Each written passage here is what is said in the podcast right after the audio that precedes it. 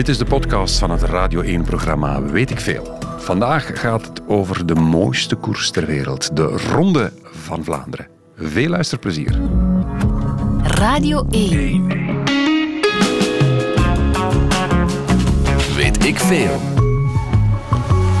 Met Kobe Ilse. Heel goedemiddag, welkom bij Weet ik Veel.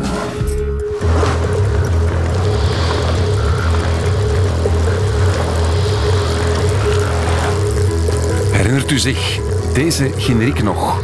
Het was de intro van een bepaald programma. Mijn gast Geert, ik kijk naar jou. Weet je het nog? Nee? Nee. Jan Elen heeft ooit een fictiereeks gemaakt over de Ronde van Vlaanderen. Die heette gewoon de Ronde. En dit was de begingeneriek. Ja. Beetje nostalgie.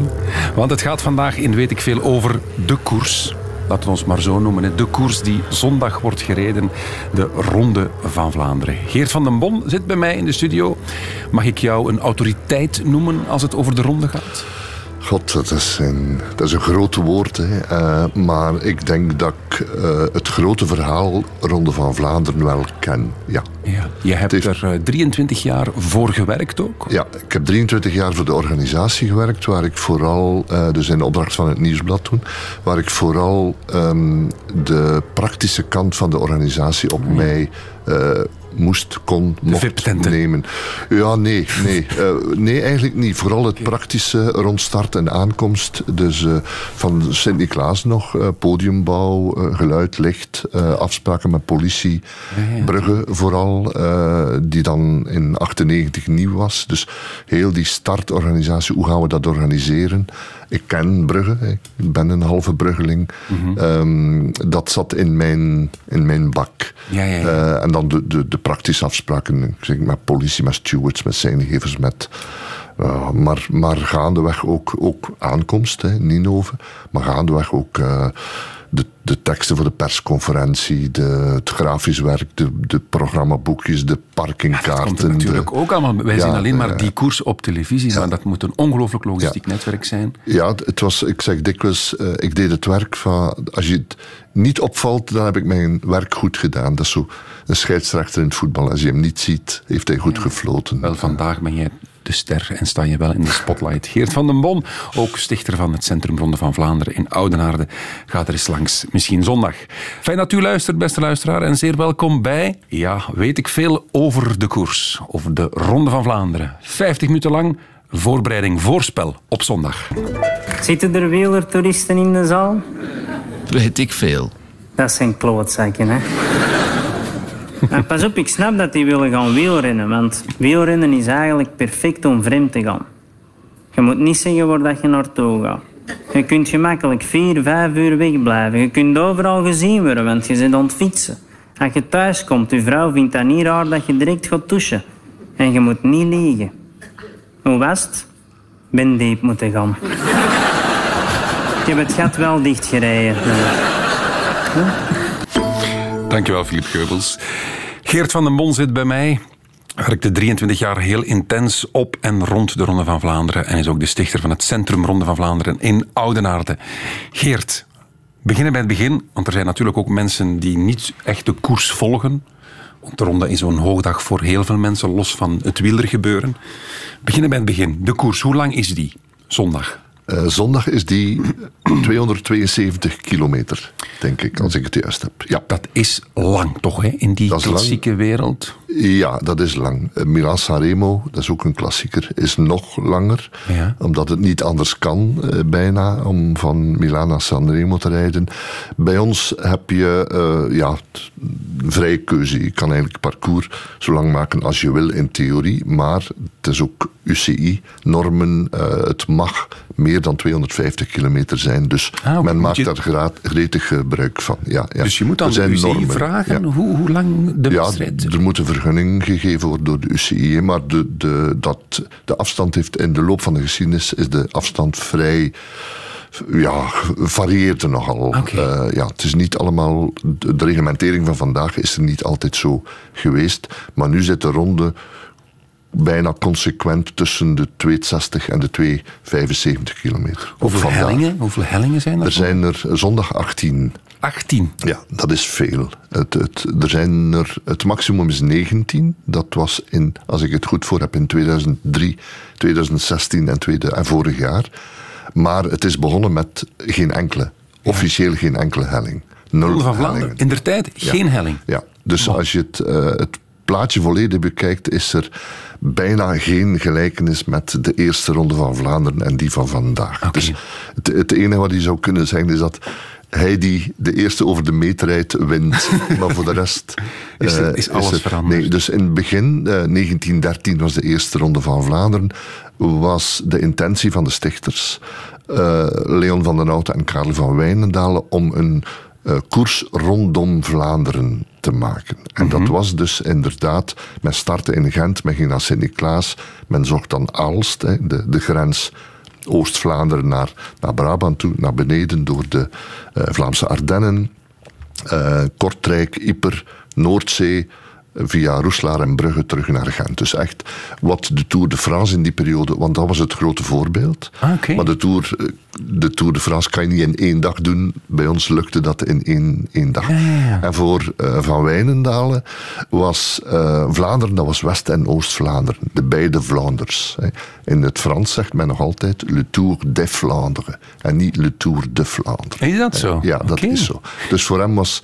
Ja, eh, de- en hij verwees ook zeer graag naar, naar de symboliek in die periode. Hè. De, hij koppelde daar zijn ganse carrière koppelde hij, hij aan Gent, Jacob van Hartevelde, eh Aalst, Dirk Martens, eh Kortrijk, Gulde Sporenslag, Stijn Streuvels in de Vlaamse Ardennen.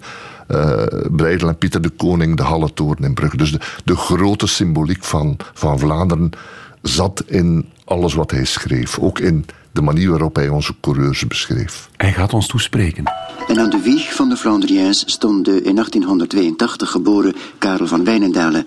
Het verhaal begint op het ogenblik dat Karel uit notarisklerk zijn beu is. Die vier witte muren meek me dat bereeld te eng, te arm aan kleuren en leven. En ik werd coureur. En dat, dat is de grootste ontgoocheling van mijn leven geweest. Misschien wel omdat ik doorgaans toe kwam als de prijzen al gedeeld waren. Weet ik veel? Het zal wel echt in die tijd zijn dat ik met de pen leerde zoeken wat ik met de benen niet vond. En zo ben ik sportjournalist geworden. Het is op die dag dat het avontuurlijke van mijn leven begon. Een leven dat zo vol was van kleuren en afwisselingen, van komen en van keren of gaan door een wereld van honderdduizenden van kilometers. Mooi, hè? Fantastisch. Ik word daar lyrisch van. Ja, Ja. Karel van Wijnendalen. Karels- Is dat de vader? Is dat, Dat- echt de, de, de stichter ook? Dat is, ze waren met twee. En dat is eigenlijk een verhaal dat nog niet zo lang bekend is. Men wist dat er een tweede figuur was, die Leon van den Houten. Maar het is een eh, professor ehm, in Gent, Pascal Delay, die onderzoek gedaan heeft en die gemerkt heeft dat de figuur Leon van den Houten strategisch eigenlijk belangrijker was. Maar dat was een, een schaduwfiguur. Hij is ook vroeg gestorven. Hij is in 1931 gestorven. En toen moesten de gloriejaren van Van Wijnendaal nog, nog komen. Eh, maar ze waren met twee. En, en Van den Houten was de, de stratege, de financier. Had ook gestudeerd. Was Ja. de zoon van een notaris. Ehm, was bekend in het Brusselse wielermilieu al als jonge gast en schreef, was correspondent voor het krantje Sportvriend in Isegem. En van Wijnendalen, die van zeer arme komaf was, een boerenzoon, zijn vader niet gekend, eh, maar een, een onwaarschijnlijk ambitieuze man met zin voor avontuur. Ehm, wou dus coureur worden, maar dat lukte niet. Schreef, had blijkbaar een zeer goede pen toen, al, toen hij jong was. Hè. Ehm, en werd ook correspondent voor Sportvriend. Daar hebben ze elkaar gekeken en eh, eh, ontmoet. En eh, Sportvriend was een van de vele kleine krantjes die gedrukt werden door drukkers in die tijd.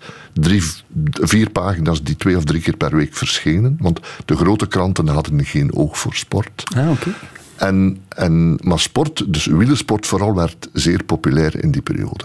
En eh, als ik kort door het verhaal ga. En dus coureurs die toen in die tijd wonnen, die, dat werden helden. Dus die verdienden zeer goed hun boterham.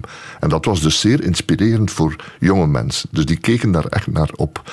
Uh, als je weet dat een arbeider in begin vorige eeuw 900 frank per jaar verdiende. Uh, in 1900, 1908 verdiende Cyril van, van Houwaard 400 frank door Parijs-Roubaix te winnen. Dus een half jaar, een halve. Amai. En Odile de Fraai in 1912, onze eerste Belgische toerwinnaar, die verdiende 20.000 franken met zijn zegen in Parijs. Het zijn twee jaarlonen bij wijze van Eh, spreken. nee, veel meer, 20 jaar loon. 20, ah ja, tuurlijk. Ja, ja. Ja, Dus hij had blijkbaar een, een, inkomen dat de ene jaar van 40.000 franken Ja, met premies, startpremies en zo. Dus dat is, dat is het verhaal van vandaag, van de toppers die in één jaar verdienen wat dat wij een leven moeten voorwerken. En, dat, en dat, om even het verhaal af, eh, af te maken, dat triggerde eh, Van Wijnendal en Leon van den Houten en die kregen de kans van een uitgeverij Patria hier in Brussel om een krant, een sportwereld te maken. Een krant, een sportkrant die nationale dekking had. En dat was uitzonderlijk. En zo zijn zij begonnen om op, te surfen op het succes van Odile de Fraai in de Tour de France. Om in september 1912 Sportwereld te starten. En dan op 25 mei Ja. 1913, het, een jaar later, organiseren ze vanuit die journalistieke Ja. reflex, misschien uit commercieel, Commercieel, oogpunt, absoluut, ja, ja. die ronde van Ja. de Vlaanders. Dus men zegt, ehm, het sportwereld draaide goed. Hè. Er was nood aan zo'n krant. Ehm, van Wijnendal was al een soort BV avant la lettre. Dus mensen kenden hem al. Ja. En ze broeden op een stunt. En wat wil het verhaal? Ze moeten niet lang broeden. Ze kijken naar Frankrijk, Tour de France, naar Italië, de Giro. Ook allebei gesticht door een sportkrant. Ah, wij gaan hetzelfde doen. Wij gaan een koers maken rondom Vlaanderen. En effectief om, op 25 mei 1913 wordt die eerste ronde van Vlaanderen gereden. 324 kilometer lang, klopt Ja, dat? Dat klopt. Dat klopt. 324, Ja, of dat niet op klopt. één dag dan? Ja, ja dat, dat klopt. 12 uur en 3 minuten. Gemiddelde van, pas op, gemiddelde van bijna 27 km per uur. Allee, op een fiets zonder versnellingen. Een fiets van 18 kilogram. En alleen maar op kasseiwegen en, en grindpaadjes. Ja. Wie wint de allereerste ronde van Vlaanderen? Poldeman. 324 kilometer, 27 kilometer per uur gemiddeld. Ja, ja. En wat verdient hij daarmee? 500 frank. Amai. Dus, en van, dat was ook weer de stunt van Wijnendalen. Ik wil beter doen dan mijn concurrenten, dus ik ga dat, dat prijzengeld ga ik hoger zetten. 500 frank verdient hij. Het begin nog even afronden. Ja, 1913, ja. De oorlog begint een jaar later. Gaat die door, die, die ronde? Of, Nee. of stopt die? Nee, die stopt. Oké. Dus er is nog een editie 1914. En dan de volgende echte editie is 1919. Mm, Er is sprake van twee, wat wij noemen surrogaatrondes, eh, op een eh, velodroom in Gent in 15 en 16. Waar ze de, de- ja, hun eigen koers imiteren. Hè, met, Na 20 kilometer zitten ze in Oudenaarde, na 40 kilometer zitten ze ergens anders. Maar dat was surrogaat. Ja, dat was niet, dat was En in, in 1919 wint Henri van Lerbergen.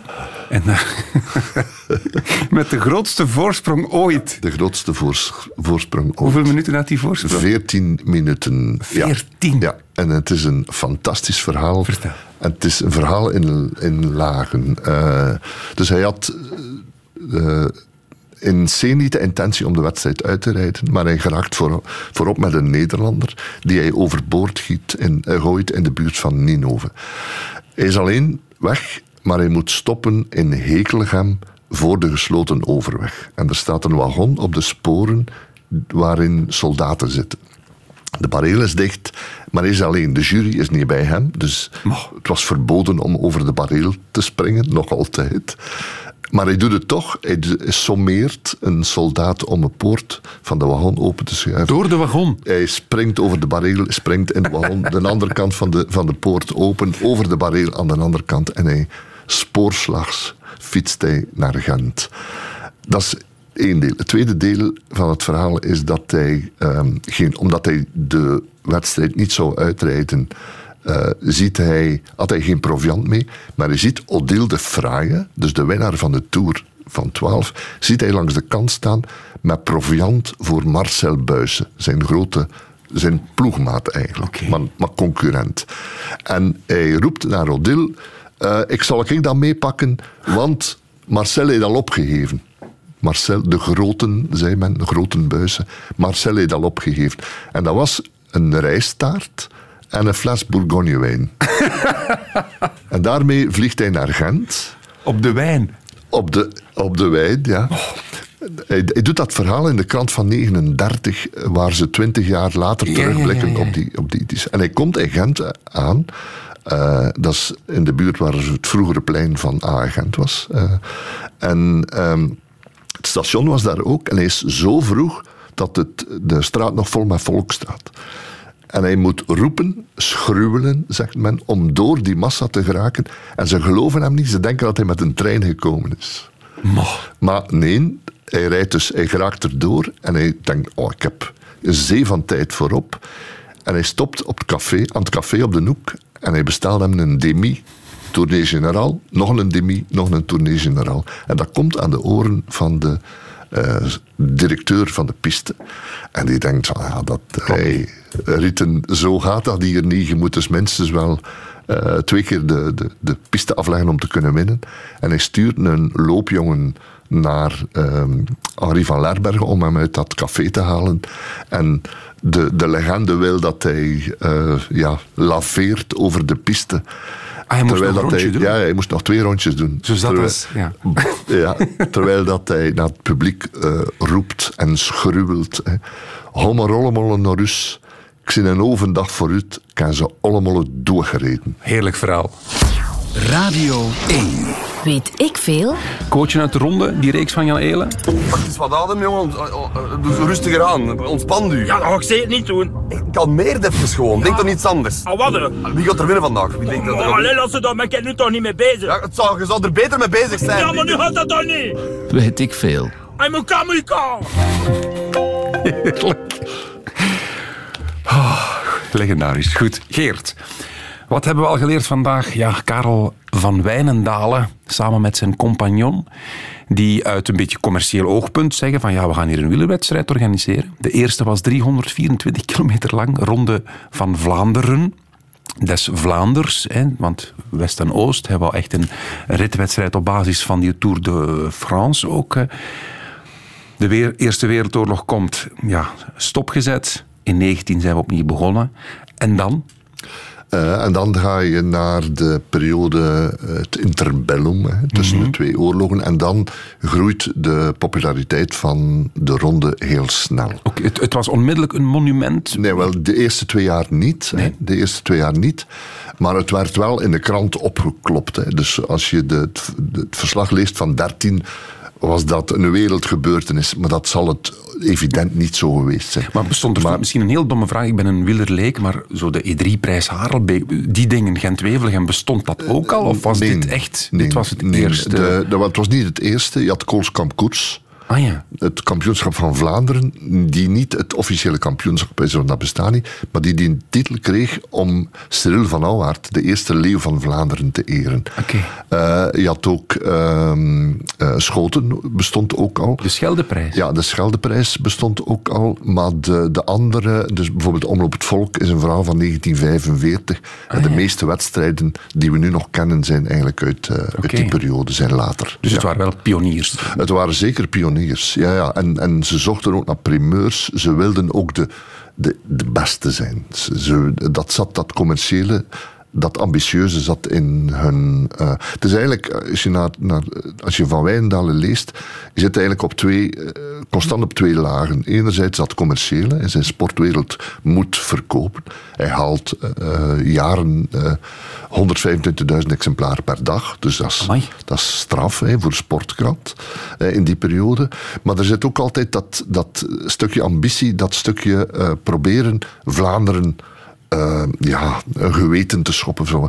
Als je je bent arbeider, maar als je iets wil maken met je, met je leven, moet je, De moet je ambitie, moet je je talenten ontwikkelen, zoals onze coureurs, want zij doen dat ook. Was dat, was, wa- dat zat er altijd wel in. Was, was het ook romantisch? Want de koers is ook romantiek. Het gaat ook over, over...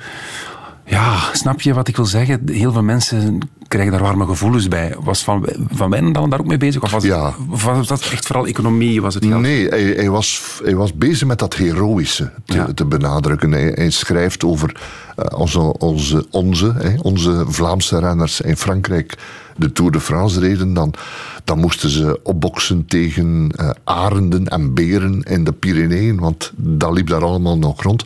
Het, het, het mooiste is, hij beschrijft bijvoorbeeld ook de parcours van, van eh, Luik, in de krant van een, Luik, een voorbeschouwing van een Luik Bastenaken Luik. En dat wordt ook dat als je dat leest, is alsof dat ze, dat ze de, de Kilimanjaro of de, of de, ja, de, de Himalaya op moeten. Maar je moet in het achterhoofd houden dat iemand die dat las, die was nog nooit in de Ardennen geweest. Ah, ja, ja, dus hij kon zijn fantasie, en hij deed dat ook. Hij, schreef eh, bombastisch, maar heel veel adjectieven, woorden die hij zelf uitvond. Maar er zat daar een, een, een ziel in, een, een warmte in. En dat is het succes van Sportwereld geweest. En hij gebruikt de Sportwereld om zijn, zijn Ronde van Vlaanderen ook groot te maken, Ja, ja. natuurlijk. Hè. We gaan even door de geschiedenis fietsen. De eerste buitenlandse zege in de ronde is in 23. Ja. Klopt dat? Wie Ja. was dat? Hairi Sutter, een Zwitser, een Zwitsers kampioen. Niet de meest bekende, maar ja. En de eerste keer meer dan 100 deelnemers. 1931. Dus Ja, het, het groeide. Langzaamaan Het groeide internationaal. Ja, ja, ja, ja. In ehm 27 start een aankomst in Gent. Ja, maar dat was van in het begin zo. Ah, dat was van in het begin. En pas in 28 is Van Wijnendalen naar Wetteren getrokken. En het was zijn intentie om om de tien jaar van eh, aankomstplaats... Dus er is nu... eh, Er was tien jaar geleden zoveel tumult. Oudenaar de Ninove. Eh, Maar dat is, dat is eigen aan de Ronde van Vlaanderen geweest. Niets is voor eeuwig in, in de Ronde van Vlaanderen. Dus de intentie van Van Wijnendalen was om om de tien jaar te veranderen van aankomstplaats. Maar hij is er gebleven tot 1961, omdat de oorlog zat ertussen. En blijkbaar had hij ook heel goede contacten met eh, de burgemeester du Château. En heeft hij ooit beloofd van, zolang ik leef, blijven we aankomen in Wetteren. En effectief, hij sterft eind 61 en in 62 verhuist de ronde naar, eh, naar Gentbrugge, Merelbeke. De eerste drievoudige winnaar. Is eh eh Achille Buijsen. Ja. In ja, 40, 41, 43. Ja. Dus in die Tweede Wereldoorlog zijn ze blijven verder gewoon, dus dat is de grote. Ik, ik zeg vaak in mijn voordracht: van we zitten nu aan, aan eh, editie 106, maar het is eigenlijk 110. Het zou kunnen de 110e geweest zijn. Vier jaar Eerste Wereldoorlog. Maar dat betekent dat ze in de Tweede Wereldoorlog elk Ja, ja, jaar ja. de ronde laten doorgaan. En nog een weetje uit de geschiedenis. Wie staat 20 edities na elkaar aan de start? Ja, onze grote vriend Brik Schotten. 20 Ja, edities 20 na elkaar. Ja. Van welk jaar tot welk jaar? 1940 tot 59. En hoeveel keer wint hij? Hij wint twee keer. Fantastisch toch? ja fantastisch. Ongelooflijk. Ja. Is dat voor jou de figuur, als je in, naar, echt naar de geschiedenis, niet, niet de moderne tijd, maar naar de geschiedenis kijkt van de ronde? Is, is Briek Schotten, is dat de Ja, ja dat Ja. is eigenlijk wel, wel de figuur. En dat is, eh, ik denk dat hij ook die figuur geworden is. Hij is ook twee keer wereldkampioen geworden. Hij is ook tweede in de Tour de France. Dus het schitterend palmares. Maar ook de figuur, door het feit dat hij dan lang geleefd heeft. En dat hij ja, zo'n een, een, geboetseerd hoofd, zo'n karakter. eh, hij had handen die twee keer zo groot zijn dan de mijne. Ja. Eh, ja, zo, De oer-Vlaandrien en De ook. oer-Vlaandrien, ook zijn, zijn diep West-Vlaams, zijn uitspraken. En dat gaat op, op een bepaald moment gaat dat een eigen leven leiden en wordt dat een cultfiguur bijna. hè. Ja. Ja. En daarmee zijn we bijna aan vandaag aanbeland. Jij als kenner, heeft het van zijn pluimen verloren of is het blijven doorstijgen, de Ronde van Vlaanderen? Ehm, ik denk dat het blijven doorgaan is. Dat het zeker niet van zijn pluimen Want wat verloren. doet, wat doet die ronde in het buitenland? Want wij leven daar natuurlijk ongelooflijk naartoe. Dat, dat beheerst de kranten al een week. TV-programma's worden daarop afgestemd met Vive le Velo. Maar is dat buiten onze grenzen ook of, of niet echt? Nee, zover ik er zicht op heb, is dat niet zo. Nee. m- wij zijn een uitzondering. Eh, ik denk dat, het, eh, dat de ronde het heeft, heeft de envergure van een Elfstedentocht in Nederland, van een cupfinal in Engeland, van de, de, de grote manifestaties. Ja. Vertaalt zich dat naar het buitenland? Ik denk dat zich dat wel vertaalt naar de, naar de, wielers, naar de, de wielrenners zelf. Dat die effectief weten als ze naar België komen, is het een gekkenhuis. We hebben het gezien, het WK in Leuven ook. Fenomenaal. De- dat is echt fenomenaal. Ik herinner mij in, in Brugge, als wij eh, op het podium stonden, s morgens vroeg. En dan heb je, je hebt die toppers, maar je hebt ook een aantal Spaanse ploegen die dan niet hun toppers af, eh, of naar België laten komen. En dan zie je die mannetjes van 20, 21 jaar, die komen met de fiets op dat podium gereden en die zien die massa op die markt in Brugge te staan. En die, die weten niet. En dan hadden wij het geluk in onze, in onze club, allee, in- met de steward, dat we één iemand hadden die 98% van die coureurs kende, ook die buitenlandse. En die werden dan met hun voornaam Ja, aangesproken. Ja.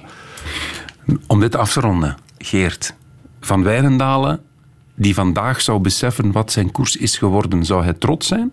Zou hij zich geslaagd, zou hij het project Ronde van Vlaanderen geslaagd vinden? Eh, ja, ik, ik denk het wel. Ik denk dat hij zich alleen vragen zou stellen bij Antwerpen. Is het waar? Over de, ja, ik, ik heb Omdat dat voor hem niet van, Vlaanderen is Hij, dan. hij draait zich om in zijn graf, ongetwijfeld. En dan ook de schrapping van de muur, datzelfde jaar. Ik denk dat hij daar in zijn haar zou gekrapt hebben. Maar dat hij content zou zijn met, met de populariteit nu, ja, dat zal wel. Hè. Dat zal wel zijn. Dit is een quote van Merckx, 1967. En die merkt iedereen verwacht dat je nu ook de Ronde van Vlaanderen gaat winnen. Ja, als je goed rijdt, verwacht men een beetje veel van, die, eh, van u. Ja, dat, is, ja, dat is een beetje normaal. De mensen, als je wint, ja, ze willen altijd dat je blijft winnen natuurlijk. Ik zal al mijn best doen om, om zondag te winnen, maar ja, zeggen ik ga winnen, dat zal toch moeilijk zijn. Hè. Uit de 67 heeft hij uiteindelijk gewonnen. Heeft eh, twee keer gewonnen, in 69 en in eh 75.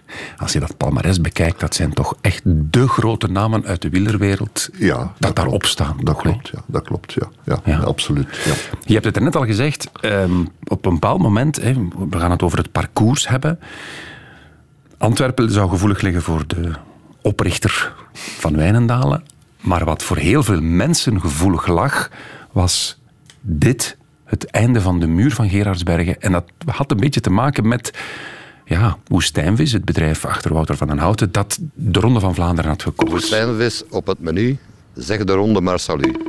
Dat, dat, ja, een beetje een flauw fragmentje misschien, maar dat, dat was een lastige. Hè? Die muur van Gerardsbergen, Ja, die dat- geschrapt. ja, dat was een lastige. Ik vond dat persoonlijk ook eh, een lastige, omdat als je in het buitenland bent en je praat met mensen over de Ronde van Vlaanderen, dan gaat het, of over koers in Vlaanderen, dan gaat het altijd over de muur. De muur staat voor mij symbool voor de manier wij, waarop wij koersen organiseren. Maar, je hebt al gezegd, Geert, het is de bedoeling, net het DNA van die Ronde van Vlaanderen, dat het parcours continu verwijzigt, de vertrekplaatsen, de aankomstplekken, dat moet ook om de zoveel jaar vernieuwd worden. Ehm, ja, er, er zaten een aantal andere motieven, ook commerciële motieven achter natuurlijk, op specifiek eh, de muur. Maar het is zo dat dus de eerste ronden hadden geen hellingen. Dus eigenlijk als je het in, in vogelvlucht bekijkt, is men ehm, vanaf de jaren 20 is men beginnen hellingen inschakelen. Twee hellingen in het begin, dan drie hellingen in de jaren 30. En dan was Vlaanderen, werd Vlaanderen ge- geconfronteerd, enfin, het is een verkeerd woord, maar gelukkig maar, werd het wegennet verbeterd. Dus er kwamen betonbanen, dus die steenwegen gingen eruit, er kwamen betonbanen, macadambanen. En dat maakt dat je profiel van je koers anders wordt. Het werd te makkelijk. Het, werd, wel, het was nog altijd lastig, want hij had die afstand van 250, 260, 270 kilometer, maar het was minder eh, selectief. Ja, ja. Dus je kreeg andere types renners, andere wedstrijden. En je zat ook zeker na de jaren 50, 60, 70 met toch ehm, het fenomeen sponsoring bestond niet, het fenomeen VIP. Dus het was moeilijker ook om het financieel plaatje rond te krijgen.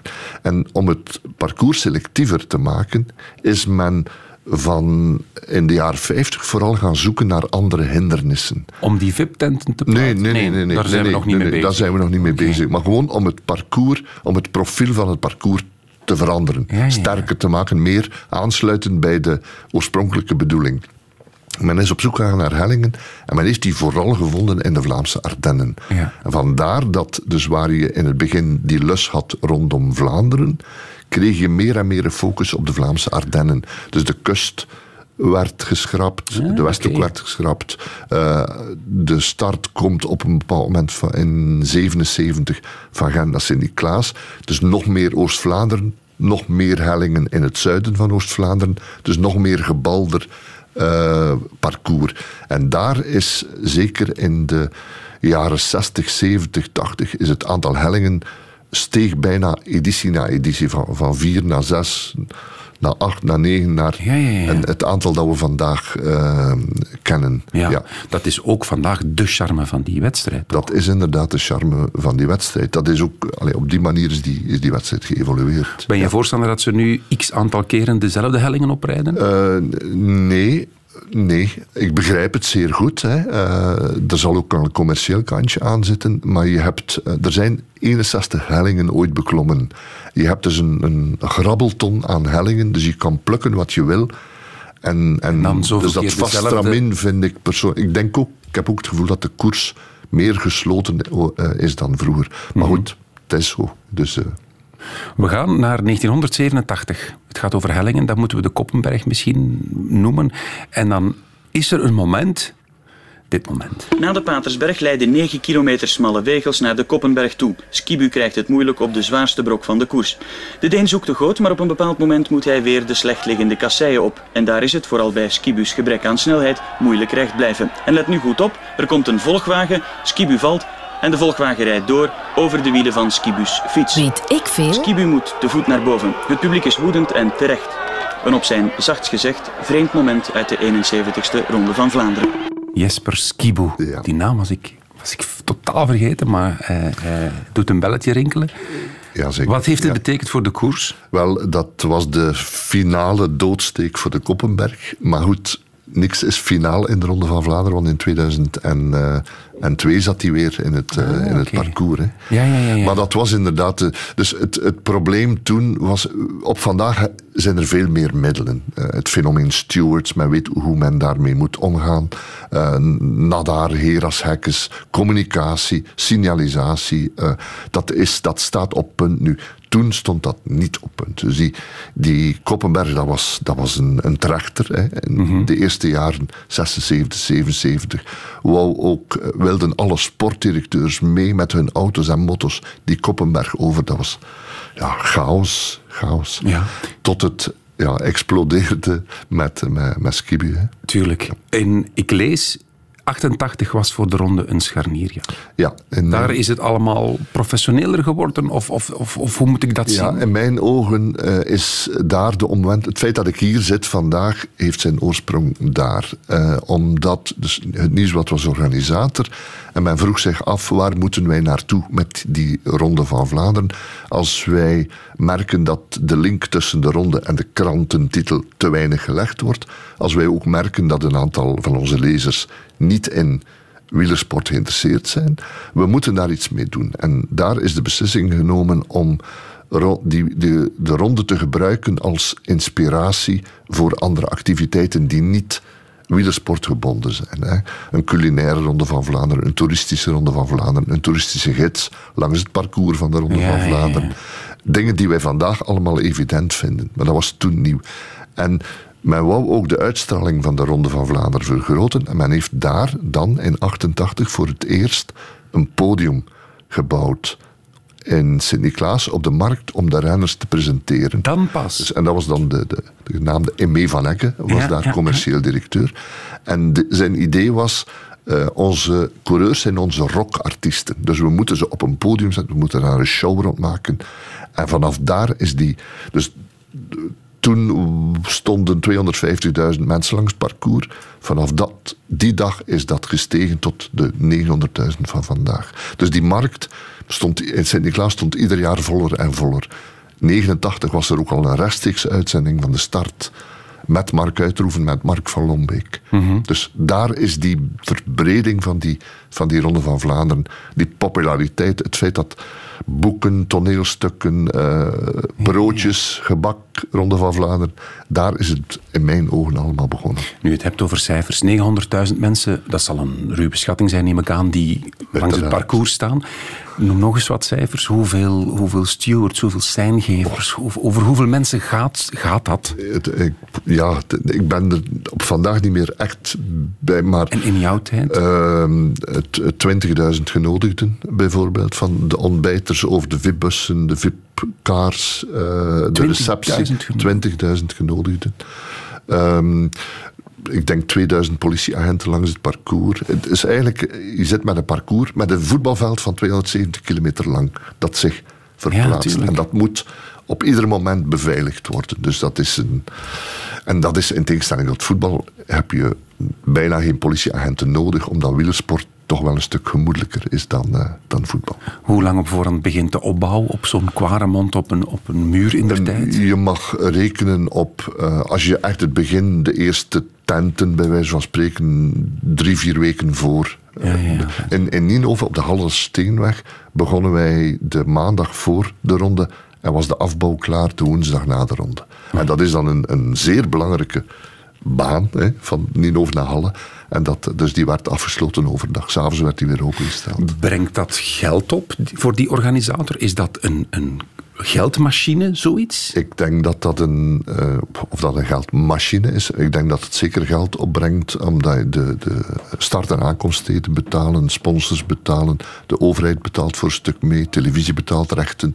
Dus ik denk dat men bij Flanders Classics wel eh, de zaakjes op een En, rijtje en heeft. enig idee, wat, wat budget is dat? Goh, in, in, in onze tijd was dat een, eh, hoeveel was het weer al? 150.000 euro, ja, zoiets. Maar in mijn ik spreek van tien jaar geleden. Dus En wat wil je met die 150.000 euro dan? Wat, de kost. De kost van, van ploegen, tribunes, podiums.